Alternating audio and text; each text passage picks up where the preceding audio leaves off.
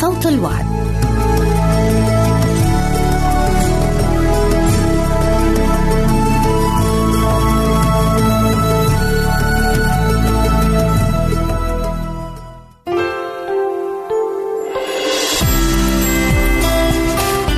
هنا إذاعة صوت الوعد.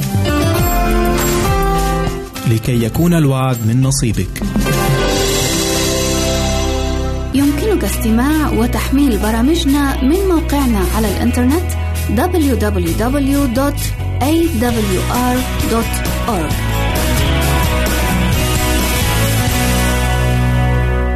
أعزائي المستمعين والمستمعات يسعدنا استقبال رسائلكم على العنوان البريد الإلكتروني التالي راسلنا at مرة أخرى بالحروف المتقطعة r a s i l n a at a l شرطة w a a d دوت تي في منتظرين رسائلكم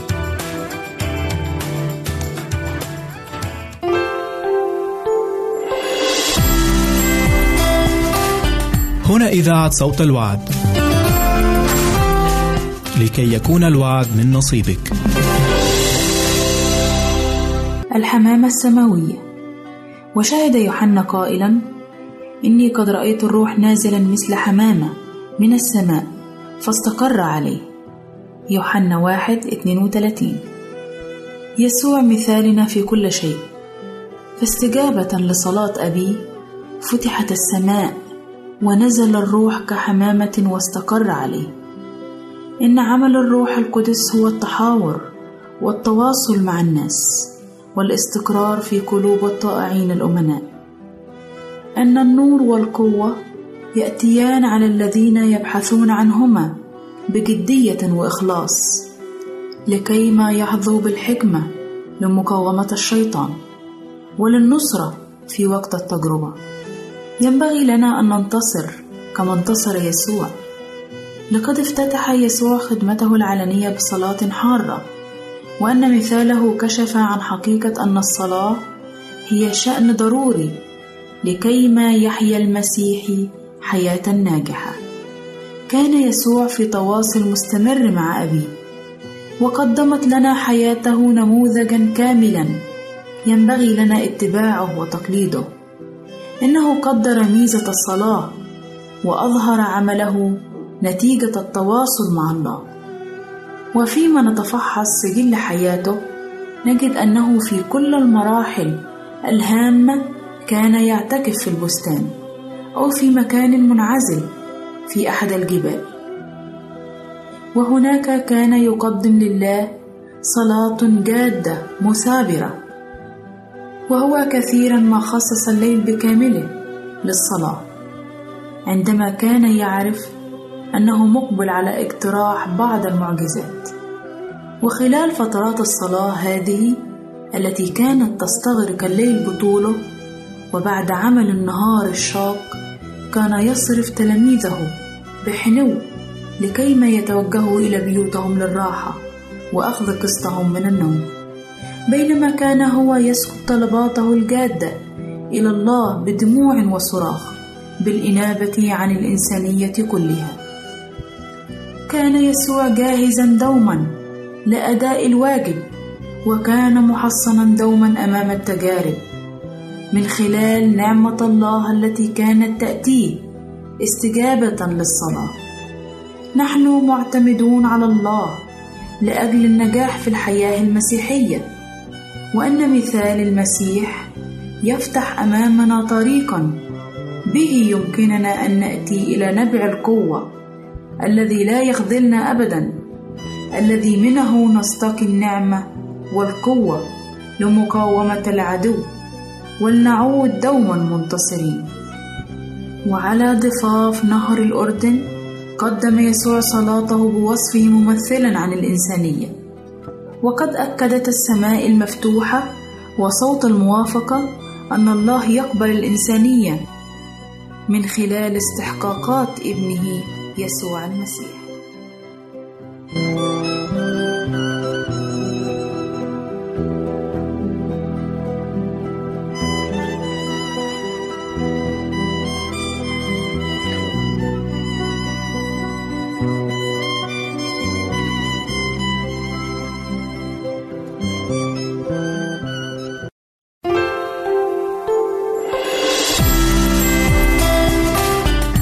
إذاعة صوت الوعد. لكي يكون الوعد من نصيبك. يمكنك استماع وتحميل برامجنا من موقعنا على الإنترنت www.awr.org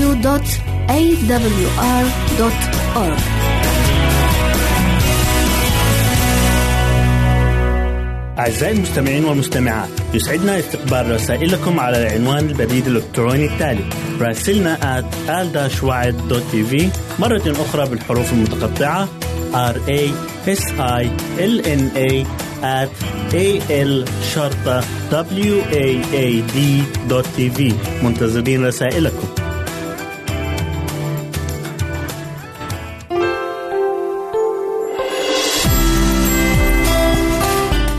هنا إذاعة صوت الوعد. لكي يكون الوعد من نصيبك.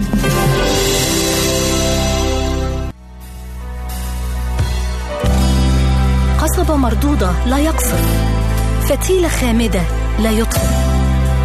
لأعطيهم جمالا عوضا عن الرماد. ودهن فرح عوضا عن النوح. ورداء تسبيح عوضا عن الروح اليائسة.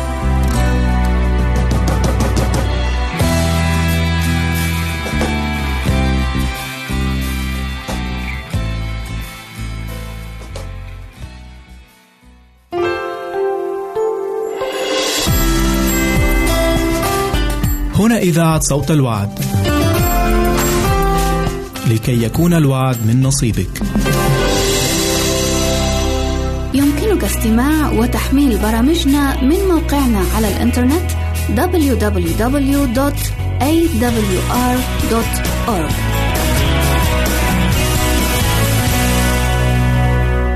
أعزائي المستمعين والمستمعات يسعدنا استقبال رسائلكم على العنوان البريد الإلكتروني التالي راسلنا at al مرة أخرى بالحروف المتقطعة r a s i l n a at a l شرطة w a a d منتظرين رسائلكم.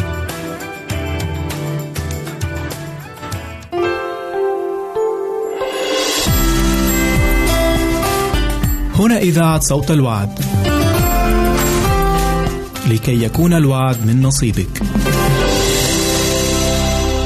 أهلا وسهلا بكم مستمعاتي الكرام أسعد الله يومكم بالخير والبركة يسعدني أن أقدم لكم برنامج نصائح للمرأة والذي نتكلم فيه عن تعليم أولادنا معنى الرجولة الحقيقية الرجولة كلمة يساء فهمها كثيرا في زمننا الحاضر وقد تلاحظ عند بعض الشباب تعريفات شائعة عن الرجولة إلا أنها مع الأسف خاطئة أذكر لكم بعضا منها هل الرجل هو الذي يدخن ويشرب؟ هل الرجل هو الذي يفرض سيطرته على أفراد عائلته ويرفع صوته على إخواته أو يضربهن في بعض الأحيان؟ هل الرجل هو من يتمسك برأيه ويتجاهل تماما ما يقوله الآخرون؟ هل الرجل هو من يخرج كلمات بذيئة من فمه ويسب الآخرين ويشتمهم؟ هل الرجل هو من يأخذ حقه بذراعه حتى لو اضطره ذلك دخول السجن؟ هل الرجل هو من يخدع فتاة واعدا إياها بالزواج ويشوه سمعتها وصيتها؟ هل الرجل هو من يصرف كل أمواله على أصدقائه والسهر؟ أعتقد بأن حلم الرجولة هو شغل الأطفال الشاغل فمنذ الصغر يهتم الذكور من الأطفال بحقيقة أنهم سيصبحون رجالا. فنراهم يقلدون آباءهم أو يعجبون ببعض نجوم الإعلام فيتخذونهم أمثلة للرجولة ويطمحون لأن يشابهونهم في كبرهم. ومع مرور السنين نرى أولئك الأطفال يتباهون ويفتخرون بازدياد أطوالهم ومعظمهم يشعر بسعادة فائقة لمجرد ملاحظتهم النمو السريع لأجسادهم وتغير أصواتهم وظهور شواربهم ولحاهم. بالإضافة إلى بعض التغييرات الجسمية الأخرى التي تطرأ عليهم إذ يدخلون طور المراهقة والرجولة ولكن هل هذا هو كل ما تعنيه الرجولة الحقيقية؟ هل الرجولة الحقيقية تتعلق بالنمو الجسماني فقط؟ هل هي مجرد رموز يسعى إليها الأطفال ليصلوا إليها ويحققوها في المستقبل؟ بالإضافة إلى النمو وتغير الجسم هناك بعض الأشياء الهامة التي تجعل من الطفل أو المراهق أو الشاب رجلا حقيقيا يجب مراعاتها مواقف الحياة تعلمنا الكثير وقد تظهر فينا أو ربما تكسبنا صفاتا جديدة منها الجيد ومنها الرديء وما عليك إلا أن تسمح لنفسك أن تتعلم وتكتسب كل ما هو مفيد وترفض كل رديء لتنمو بالنتيجة نحو رجولة حقيقية كاملة. عزيزاتي المستمعات، يجب على كل أب وأم أن يلاحظوا تصرفاتهم أمام أولادهم الذين يريدون أن يكونوا مثلنا في كل شيء. قبل أن نوضح مفهوم الرجولة الحقيقية، يجب أن تعلموا أولادكم هذه الخطوات، وهي على كل مراهق أو شاب أن يتعرف على نقاط القوة والضعف في شخصيته. ليس هذا فقط، بل على الشاب أيضا أن يفكر فيما يمكن أن يقدمه إلى العالم المحيط به. ليس من رجل كامل على هذه الأرض، فالكمال لله وحده، إلا أننا جميعا نسعى للكمال، وهذا ما يجب عليك أن تفعله. دربوا أولادكم أن يذكروا أنفسهم يوميا بأنهم يسعوا للرجولة الحقيقية، فهذا التفكير سيفسح لهم المجال للنمو والتقدم. إليكم أعزائي المستمعين بعض الصفات العامة التي يتميز بها الرجل الحقيقي التي يجب أن نعلمها لأولادنا وهم في مرحلة دخولهم إلى سن الرجولة. وهذه الصفات الحكمة والتواضع احترام الآخرين واحترام وجهات نظرهم وعدم استصغار شأنهم التشجيع والنقد البناء الشهامة والمروءة إكرام الوالدين وحسن معاملتهم الكياسة أي الأدب والرقة تحمل المسؤولية وعدم إلقاء اللوم على الآخرين قبول الإرشاد والتعليم أو حتى النقد بروح وديعة. أيضا القدرة على التمييز بين الخطأ والصواب والسعي دائما صوب اتخاذ القرارات الحكيمة. الرجل الحقيقي يعتمد عليه بكل ما في الكلمة من معنى من أقوال جاليليو جاليلي عالم الفلك والفيلسوف والفيزيائي الإيطالي يقول لا تستطيع أن تعلم رجلا أي شيء ولكنك تستطيع أن تساعده. على اكتشاف ذلك الشيء. إن طبيعة الرجل لا تسمح له بالتغيير إلا في حالات نادرة. ويمكننا القول بأن الرجل لا يتغير بل يتطور أو يتقدم. ولذلك على المرأة أن لا تحاول تغيير زوجها أو أبنائها بل عليها أن تساعدهم على تطوير وتنمية ذواتهم. عرفي أولادك أن الرجل الحقيقي لا يلجأ إلى المشاجرات أو الصياح أو استخدام القوة. ولا حتى التفوه بكلمات بذيئة لغرض حماية عائلته والدفاع عنها إلا أن عليه أن يكون حريصا أشد الحرص على توفير الأمن والراحة والسعادة لأفراد عائلته من خلال طرق أخرى. دربي أولادك كي لا يلقوا اللوم على الآخرين ولا يوجهوا النقد اللاذع لهم. قولي لهم أن الرجل الحقيقي لا يخجل من نفسه ومن مظهره والطريقة التي يعيش بها. يجب أن تعرفيهم أن للرجولة معانيها الكثيرة. معاني عميقة فهي مفاهيم وأساسات. فالرجولة كلمة شرف وموقف عز كما هي أيضا البذل والعطاء والتضحية. الرجولة هي أن تحسن إلى من أحسن إليك ولا تسيء إلى من أساء إليك وأن تحترم الآخرين وتحترم وجهات نظرهم. إن الرجولة الحقيقية تبدأ من المنزل وليس من الشارع. فالمسؤولية للوصول برجال يستطيع المجتمع أن يثق بهم ويكونوا على قدر المسؤولية هي التي يتعلمها أولادنا من بيوتنا أولا. عزيزتي احرصي كل الحرص على أن تكوني وزوجك قدوة حسنة وصالحة أمام أولادكم لأنهم يروا تصرفاتكم وهكذا تنعكس عليهم تلك التصرفات إما بالسلب أو الإيجاب. المدرسة تخرج علماء في الطب والهندسة وغيره. أما المنزل فيخرج رجال بسلاء حقيقيون يقوم عليهم مستقبل المجتمع الناجح. إلى هنا نأتي عزيزاتي المستمعات إلى نهاية برنامجنا نصائح للمرأة. والذي نأمل أن يكون قد نال إعجابكم. نسعد بتلقي آرائكم ومقترحاتكم وتعليقاتكم. وإلى لقاء آخر على أمل أن نلتقي بكم. تقبلوا مني ومن أسرة البرنامج رق وأطيب تحية. وسلام الله معكم.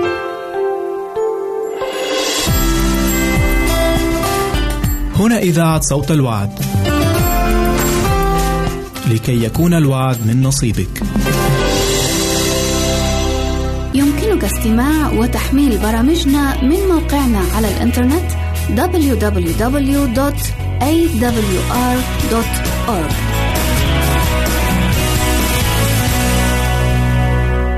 أعزائي المستمعين والمستمعات يسعدنا استقبال رسائلكم على العنوان البريد الإلكتروني التالي راسلنا at al مرة أخرى بالحروف المتقطعة r a s i l n a at a l شرطة w a a d منتظرين رسائلكم.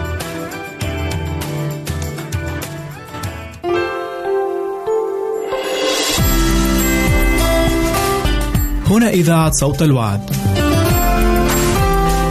لكي يكون الوعد من نصيبك.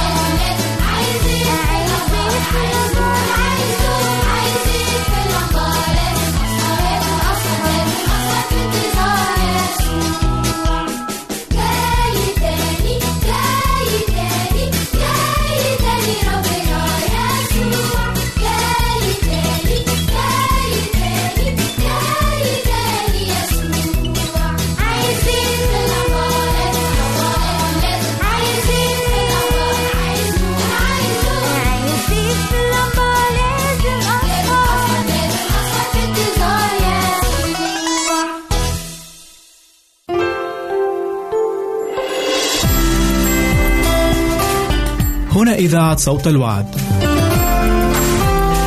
لكي يكون الوعد من نصيبك. يمكنك استماع وتحميل برامجنا من موقعنا على الإنترنت www.awr.org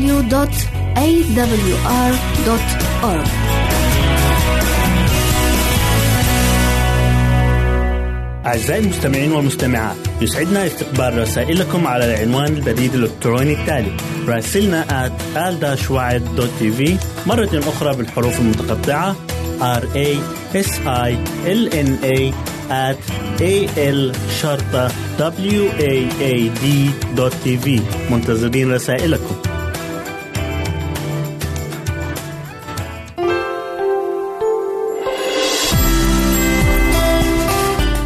إذاعة صوت الوعد. لكي يكون الوعد من نصيبك.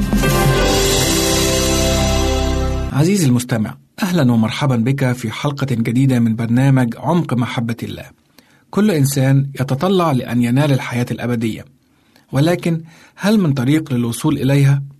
يقول السيد المسيح في سفر الرؤيا أصحاح 3 وعددين 20 و 21 هذه الكلمات ها أنا ذا واقف على الباب وأقرع. إن سمع أحد صوتي وفتح الباب أدخل إليه وأتعشى معه وهو معي. من يغلب فسأعطيه أن يجلس معي في عرشي. حلقة اليوم بعنوان كيف أنال الحياة الأبدية. كثير من المؤمنين انتظروا مجيء السيد المسيح الثاني على سحاب المجد لكي يأخذهم معه للسماء وهناك يعيشون معه للأبد. ولكنهم ماتوا قبل أن يروا هذا المجيء العظيم وربما نموت نحن أيضا قبل أن يحدث هذا المجيء العظيم الذي انتظره كثيرون من قبلنا وأيضا سوف ينتظره كثيرون من بعدنا والسؤال هنا هل أنا وأنت مستعدان لهذا المجيء الثاني للمسيح وللحصول على الحياة الأبدية؟ ولكي نعرف الإجابة على هذا السؤال وكيفية الاستعداد لهذا الحدث العظيم وهو مجيء المسيح ثانية وأيضا لكي نضمن الحياة الأبدية دعونا نرجع إلى كلمة الله في الكتاب المقدس التي إذا صدقناها وآمنا بها ننال الخلاص وأيضا ننال الحياة الأبدية. أما إذا لم نؤمن بها نهلك. تقول كلمة الله الذي يؤمن به لا يدان والذي لا يؤمن قد يدين. والذي لا يؤمن قد دين لأنه لم يؤمن باسم ابن الله الوحيد. جاءت هذه الكلمات في إنجيل يوحنا أصحاح 3 وعدد 18 في بداية الخليقة خلق الله آدم وحواء في جنة عدن.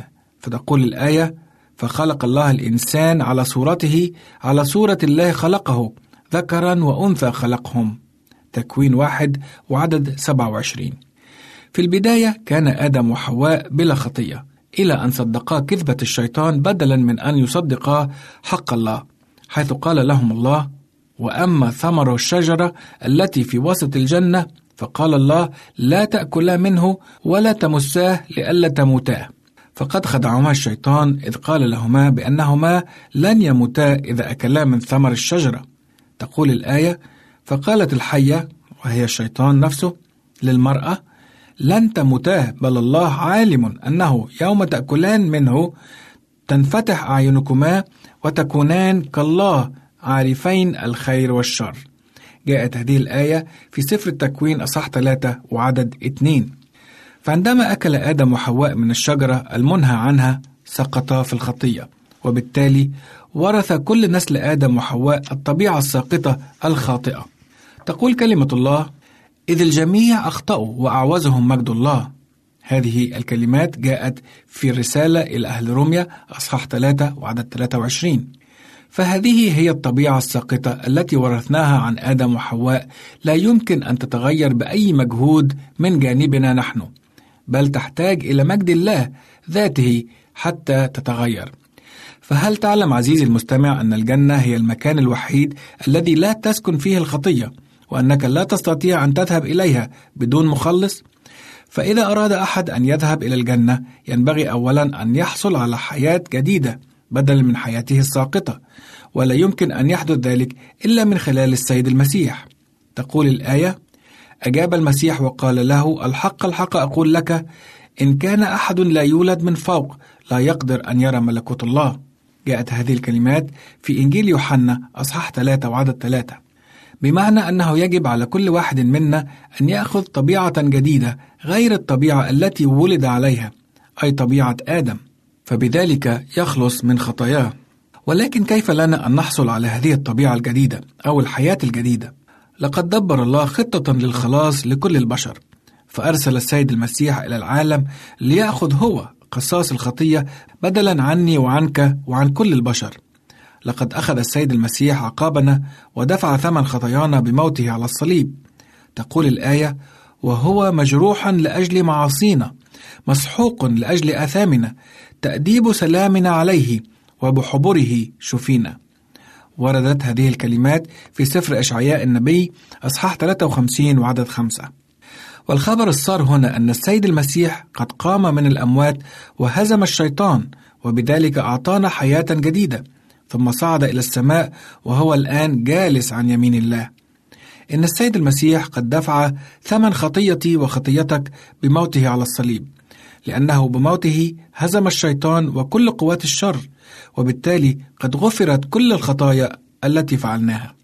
وبذلك يكون بالمسيح وحده وليس بغيره ينبغي أن نخلص وتخلص كل نفس هالكة.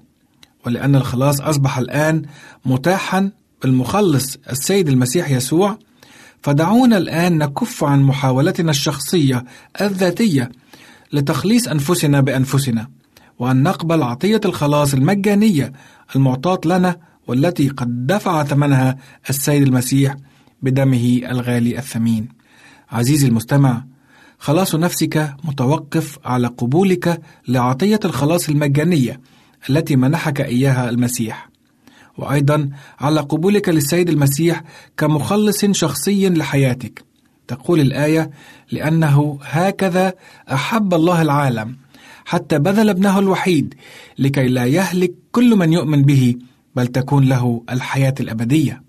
يوحنا 3 عدد 16 صلاتي لك عزيزي المستمع الكريم أن تلقي كل خطاياك على شخص السيد المسيح وتعترف بها بل وتتوب عنها فتخلص منها وتغفر لك أيضا.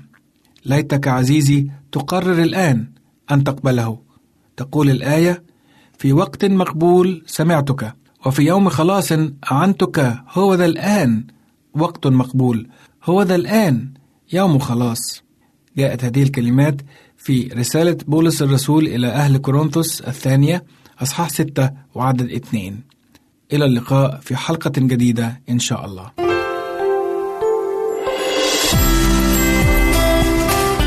هنا إذاعة صوت الوعد. لكي يكون الوعد من نصيبك. يمكنك استماع وتحميل برامجنا من موقعنا على الإنترنت www.awr.org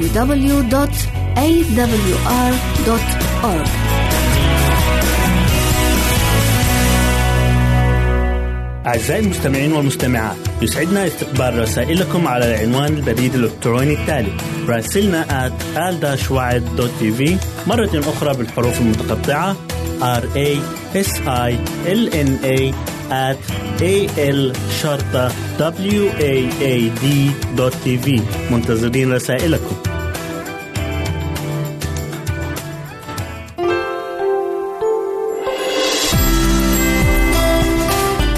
هنا إذاعة صوت الوعد.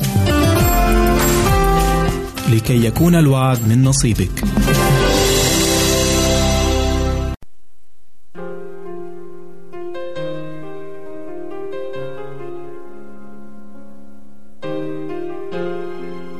آهي من الخطية فلست أعرف كلمة على مر العصور وكر الأجيال أرقت فكر الإنسان سواها وشوهت جماله عداها ودمرت سلامه مثلها وحطمت شخصيته قدرها.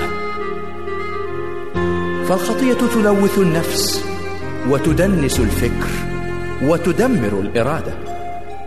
إنها تدين الإنسان أمام عدالة الله كتابيا وتطرحه تحت ثقل الديون مفلسا عمليا. فالخاطئ مريض أخلاقيا. يعيش في أصفاد وقيود عبودية إبليس زمنيا. وتحت قصاص الدينونة الإلهية أبديا. وعلى قدر قسوة الخطية وسلطتها وسطوتها كان خلاص المسيح في تبريره وتقديسه لأقذارنا وتطهيره وتحريره لقيودنا. فهو يخلقنا خليقة جديدة ويجعلنا نشارك الطبيعة الإلهية المجيدة ويضمن بوعوده لنا الأبدية المباركة السعيدة. لقد جاء لكي يطلب ويخلص ما قد هلك. إنه يخلص إلى التمام. إنه قال ها أنا ذا واقف على الباب وأقرع إن سمع أحد صوتي وفتح الباب. أدخل إليه وأتعشى معه وهو معي. نعم شخص شريف بالباب يقرع.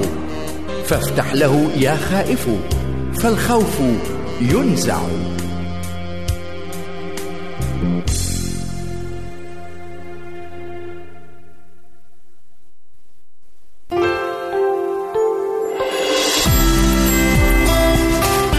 هنا إذاعة صوت الوعد. لكي يكون الوعد من نصيبك. يمكنك استماع وتحميل برامجنا من موقعنا على الإنترنت www.awr.org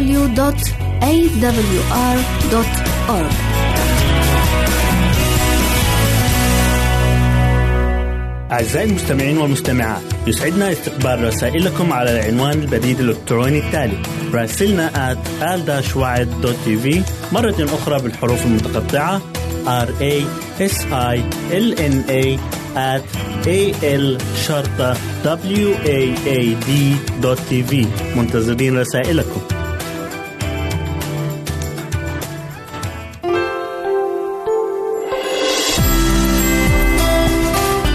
هنا إذاعة صوت الوعد. لكي يكون الوعد من نصيبك. أهلا بكم معنا أحبائي الشبيبة في حلقة جديدة وموضوع جديد من برنامجكم الأسبوعي الشيق شبيبة الساعة. كنا قد بحثنا معا في الحلقتين الماضيتين موضوع مواجهة المصير أم الموت. أما في هذه الحلقة والحلقة القادمة فسنكون مع موضوع مثير بعنوان بإمكانك تجنب الخطر. فنتمنى لكم كل الفائدة إذ تتابعوا هذه السلسلة معنا. في إحدى ليالي الشتاء القاتمة، طلب المشرف على أحد الفنادق في ولاية كاليفورنيا بالولايات المتحدة من الشرطة القدوم إلى فندقه بأسرع وقت ممكن. عندما وصلت الشرطة إلى المبنى واستفسروا عن الحالة، قال لهم المسؤول إن رجلا غريبا على وجهه ملامح الغضب أسرع صاعدا على السلالم وكان ممسكا بقطعة حديد طويلة في يده. وتابع الرجل كلامه قائلا إنه بعد لحظات قليلة سمع صراخا شديدا ولهذا السبب استدعى الشرطة. عندما وصلت الشرطة إلى الغرفة حيث كان الصراخ سمعوا صوت فتاة تبكي وهي تقول لا تقتلني أرجوك يا جورج لا تقتلني. فاقتحم رجال الشرطة باب الغرفة في الوقت الذي كان ذلك الرجل واقفا فوق الفتاة ممسكا بقطعة الحديد التي معه مستعدا أن ينزلها على رأسها ويقضي عليها. فاحتجز رجال الشرطة الرجل في السجن بعد أن فتشوه ووجدوا معه سيجارة ماريوانا في جيبه. كانت عيناه محتقنتين بالدم كما أن كلماته كانت غير واضحة لأنه كان تحت تأثير هذا المخدر القوي. واعترف الرجل للشرطة بأنه كان قد دخن على الأقل أربع سجائر ماريوانا في ذلك النهار. إن مخدر الماريوانا يلحق أذى بالغ بأجسامنا فدعونا ننظر بحذر إلى ما يحدث داخلنا عندما نكون تحت تأثير هذا المخدر القاتل. تدخين الماريوانا يشبه تدخين السجائر العادية، فالمدخن يحاول الاستفادة من أكثر كمية من المخدر عن طريق حبس الدخان مدة كافية حيث يتمكن من جمع المواد الكيميائية التي تحتوي السيجارة عليها. تصل هذه المواد الكيميائية إلى أكياس الهواء في الرئتين التي بدورها تمررها إلى مجرى الدم حيث تلتصق هذه المواد بكريات الدم الحمراء بالطبع ليس كل شخص يستعمل مخدر الماريوانا يدخنه بالطريقة التي وصفناها سابقا فإن الشخص المبتدئ قد يتجنب استنشاق نفس كبير مما يحدث أثرا صغيرا في جسمه وهذا السبب يستعمل كحقيقة في غالب الأحيان بأن مخدر الماريوانا لا يسبب أي نوع من الأذى للجسم. أما مدخن الماريوانا المدمن فيحاول حبس الدخان في أنفه وفمه، ومن ثم ينفخ هذا الدخان بقوة إلى خارج جسمه. وهذا الضغط الذي يضعه على الدخان داخل الجسم يؤثر على أغشية الأنابيب الداخلية وحوائط الأكياس الهوائية التي تسمح بتغيير سريع للغازات بين الدم والدخان. إن عمل الرئتين الأساس هو تأمين الأكسجين للدم وسحب الهواء الغير نظيف وثاني أكسيد الكربون وفضلات الجسم من الدم. عندها يستطيع هذا الدم الجديد تأمين الأكسجين النقي لخلايا الجسم الحية وحمل فضلات ثاني أكسيد الكربون مرة أخرى إلى الرئتين. كل هذا يحدث بثلاث طرق مختلفة. أولا التنفس.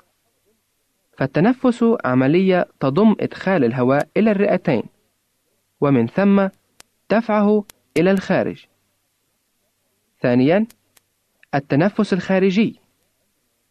فهذا ما يحدث عندما يتم استبدال الهواء النقي بالهواء الملوث بين أكياس الهواء ومجرى الدم.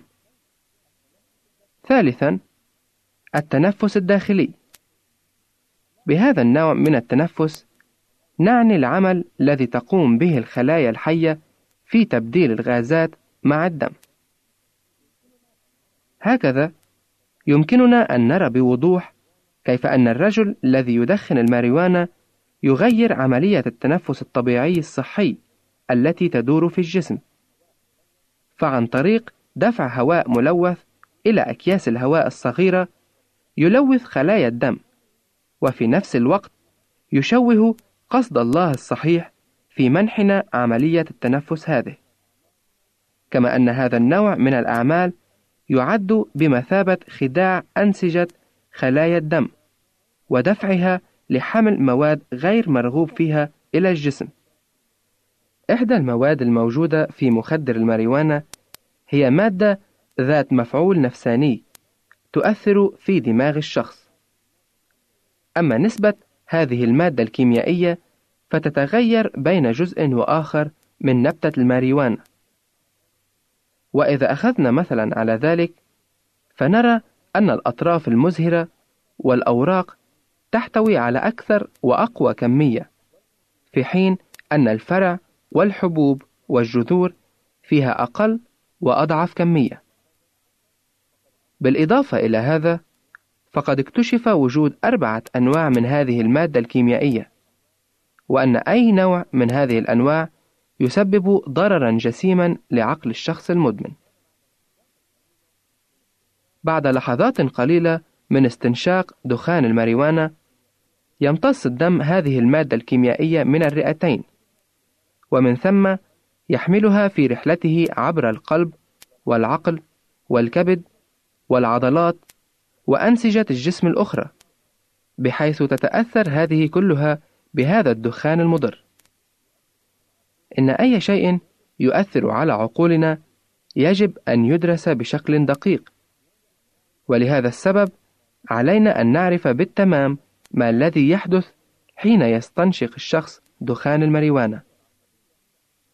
إن الخلايا العصبية هي المكان الذي نقوم فيه بالتفكير، والمكان الذي توجد فيه أحاسيسنا. يدخل المولود الجديد إلى هذا العالم وفيه عدد محدد من هذه الخلايا التي تعيش طالما أنه على قيد الحياة. ولكن إن تم تدمير هذه الخلايا فلا يمكن أن تستبدل بغيرها أبدا. وهكذا يمكننا الاستنتاج أن هذه الخلايا هي أهم ما يملكه الإنسان، لأن كل جزء من جسمنا يعمل معتمدا على خلايا العقل العصبية، فليس هناك من فرق ما إذا كان عمل هذا الجزء جسدي أو فكري أو عاطفي.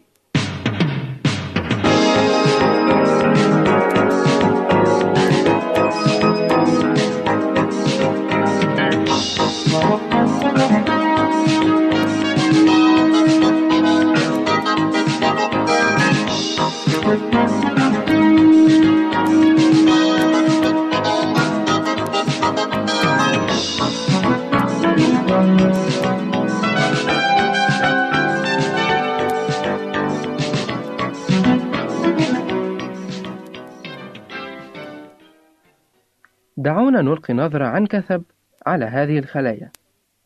فإن الجسم يحتوي على بلايين من هذه الخلايا العصبية وحصة الدماغ منها تصل إلى عشرة بلايين.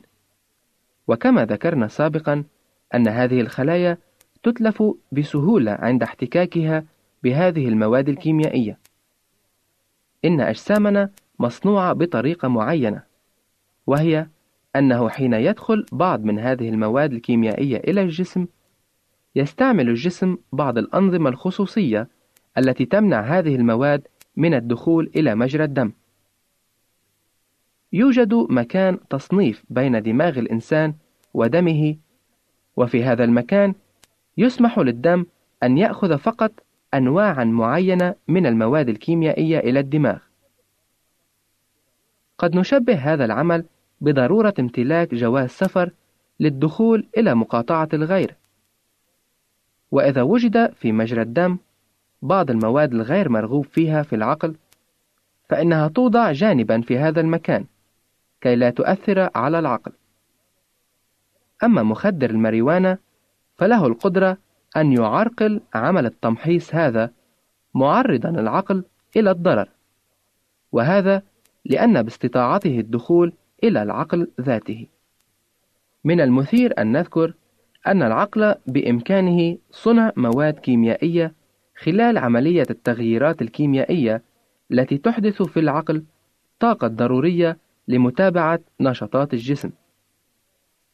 هناك المئات من المواد التي تنتجها خلايا الدماغ، والتي لها ضرورة كبرى في العمل الذي يقوم به. هذه المواد تعرف بأجهزة الإرسال الكيميائية، وتستعمل في تنبيه العقل والإبطاء من نشاطاته بحيث يمكننا النوم خلال الليل.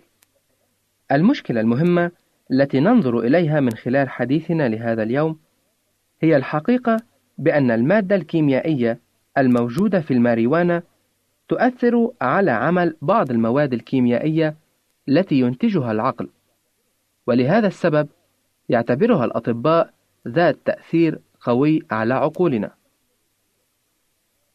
تحمل خلية الدم الحمراء الوقود إلى العقل على شكل جلوكوز وهو نوع من السكر الضروري جدا لعمل الدماغ كما أن الدم يؤمن كمية كبيرة من الأكسجين للدماغ لأن هذا الأخير يستعمل الأكسجين كوقود لمتابعة نشاطه العادي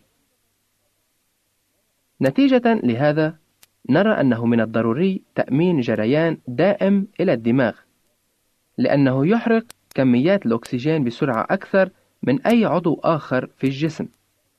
لهذا السبب، فإن كمية كبيرة من الدم تمر عبر الدماغ لتساعده على استمرارية عمله.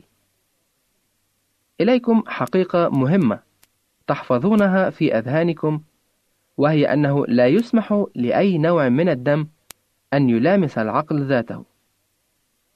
وكما ذكرنا سابقا، فإن هناك ذلك العائق الكيميائي الذي يمنع دخول الأكسجين والسكر إلى موجات الدماغ الكهربائية أو ما نسميها بالأحاسيس العصبية.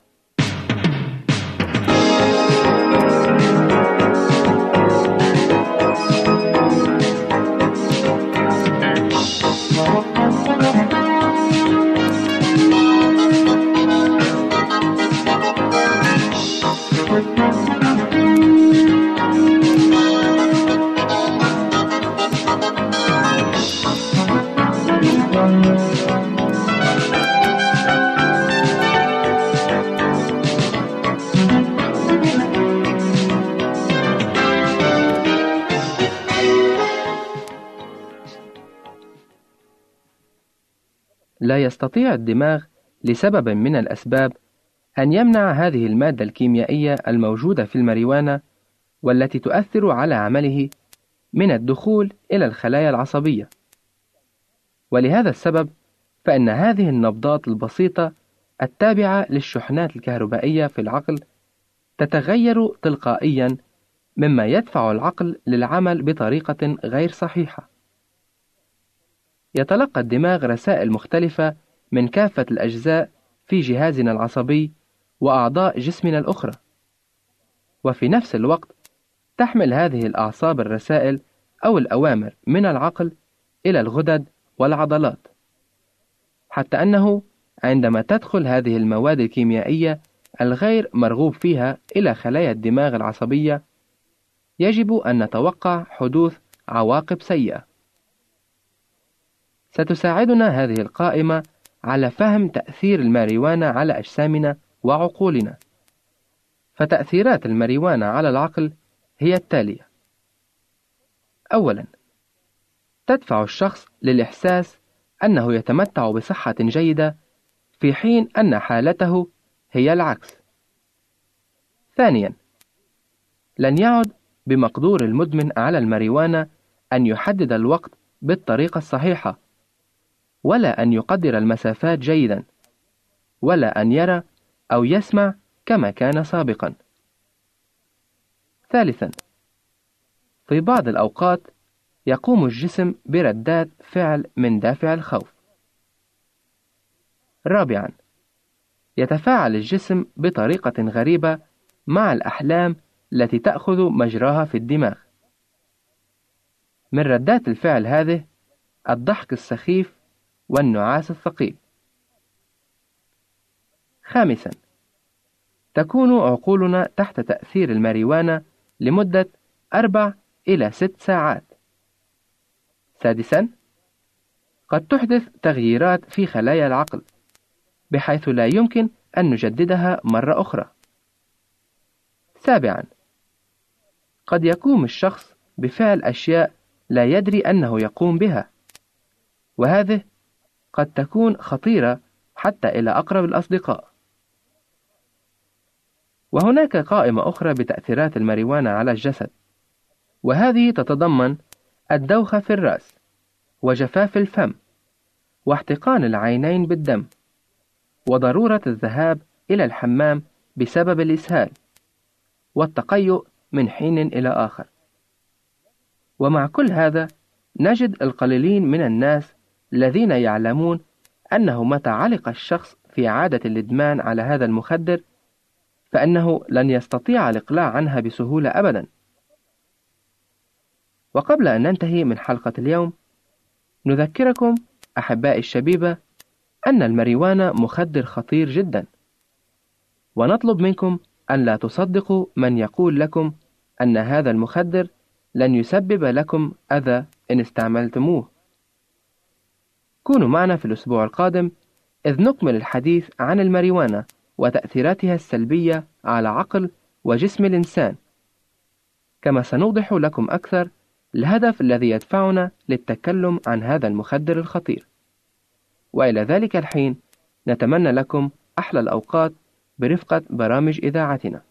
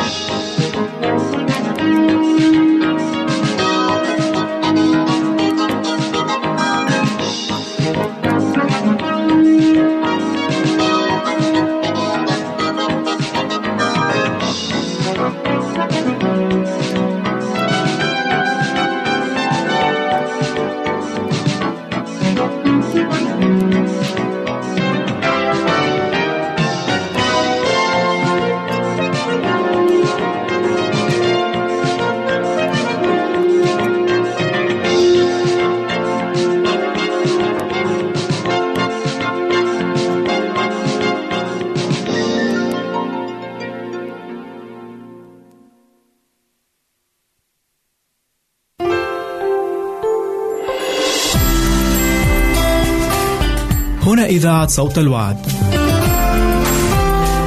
لكي يكون الوعد من نصيبك. يمكنك استماع وتحميل برامجنا من موقعنا على الإنترنت www.awr.org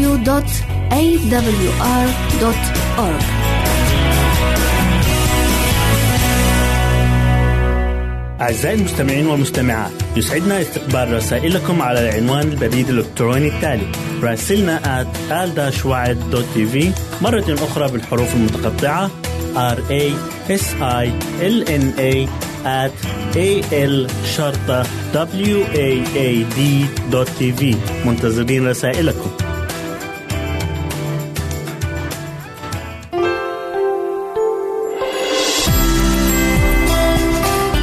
هنا إذاعة صوت الوعد. لكي يكون الوعد من نصيبك. نرحب بكم في لقاء جديد مع برنامجكم اليومي نحو حياة واعدة مع ماجد بشرى.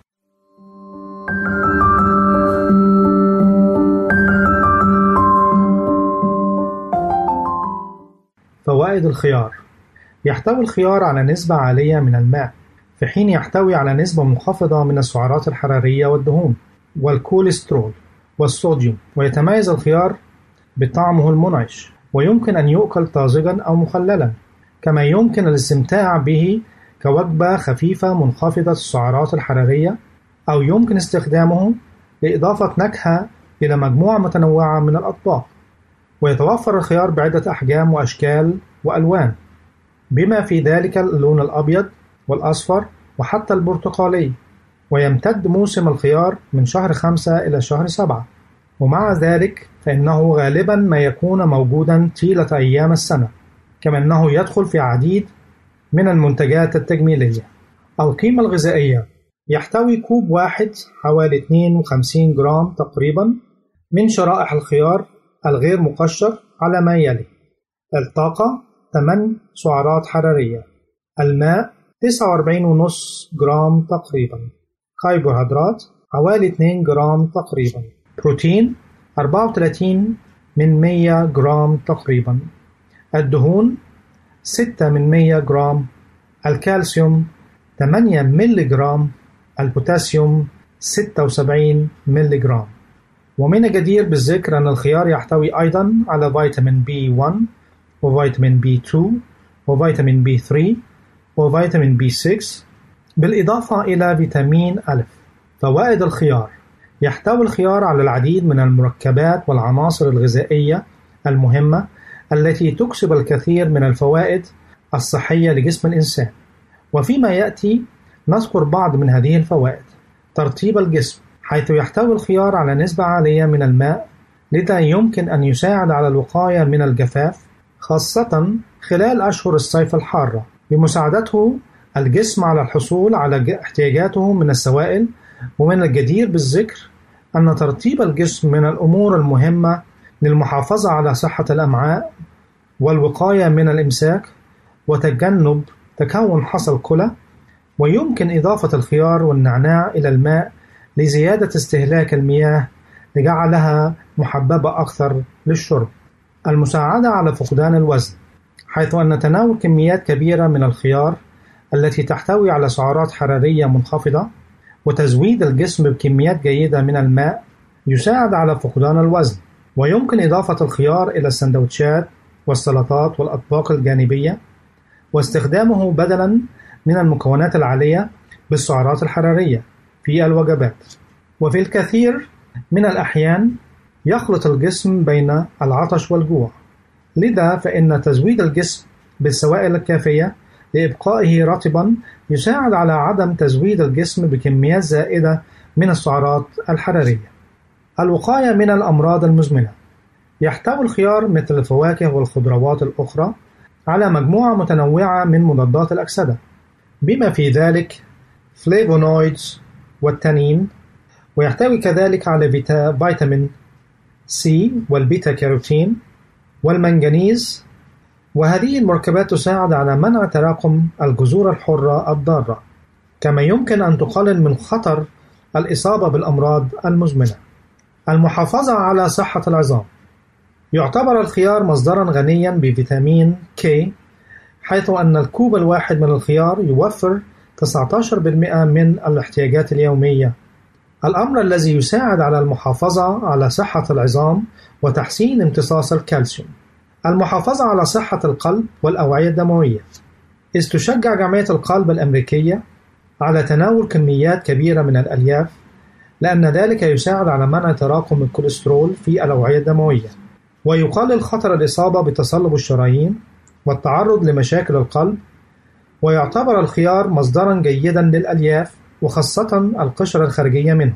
كما أنه يحتوي على البوتاسيوم والمغنيسيوم الضرورين للمحافظة على صحة القلب والأوعية الدموية المساعدة على خفض مستوى السكر في الدم. يمكن أن يساعد الخيار على الوقاية من مضاعفات مرض السكري. إذ أنه يزود الجسم بالعناصر الغذائية المهمة دون رفع مستوى السكر في الدم.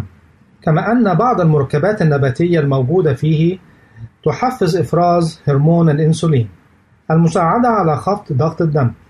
يعتبر الخيار مصدرا جيدا للبوتاسيوم الذي يساعد على تنظيم كمية الصوديوم الموجودة في الكلى وخفض ضغط الدم حيث أن وجود كميات كبيرة من الملح وكميات قليلة من البوتاسيوم في النظام الغذائي يعد إحدى الأسباب الرئيسية المساهمة في ارتفاع ضغط الدم وذلك لأن الأملاح الزائدة تسبب احتباسا للسوائل في الجسم الأمر الذي يسبب ارتفاعا في ضغط الدم. تخفيف الحموضة. تعتبر درجة الحموضة في الخيار قلوية وإن ذلك يساعد على تخفيف حموضة المعدة وتقليل حمض اليوريك في الدم وهذا يجعله مفيدا للأشخاص الذين يعانون من مشاكل في المعدة ومرض النقرس. تخفيف التهاب البشرة. إذ يمتلك الخيار خصائص مضادة للالتهاب حيث تستخدم شرائح الخيار لتبريد وتهدئة التورم ومعالجة التهيج ويساعد على تخفيف حروق الشمس كما يمكن وضعه على العينين لتخفيف الانتفاخ الذي يحدث في الصباح. الوقاية من بعض أنواع السرطان. يمكن أن يساعد الخيار على الوقاية من بعض أنواع السرطان وذلك لاحتوائه على مضادات الأكسدة ومركبات نباتية أخرى مثل الكوكوريتاسين واللجنان التي تلعب دور في الوقاية من حدوث السرطان عن طريق إيقاف نمو وتكاثر الخلايا السرطانية. نرجو أن تكونوا قد استمتعتم بهذه الحلقة. إلى أن نلقاكم في حلقة أخرى. لكم مني أفضل الأمنيات. thank you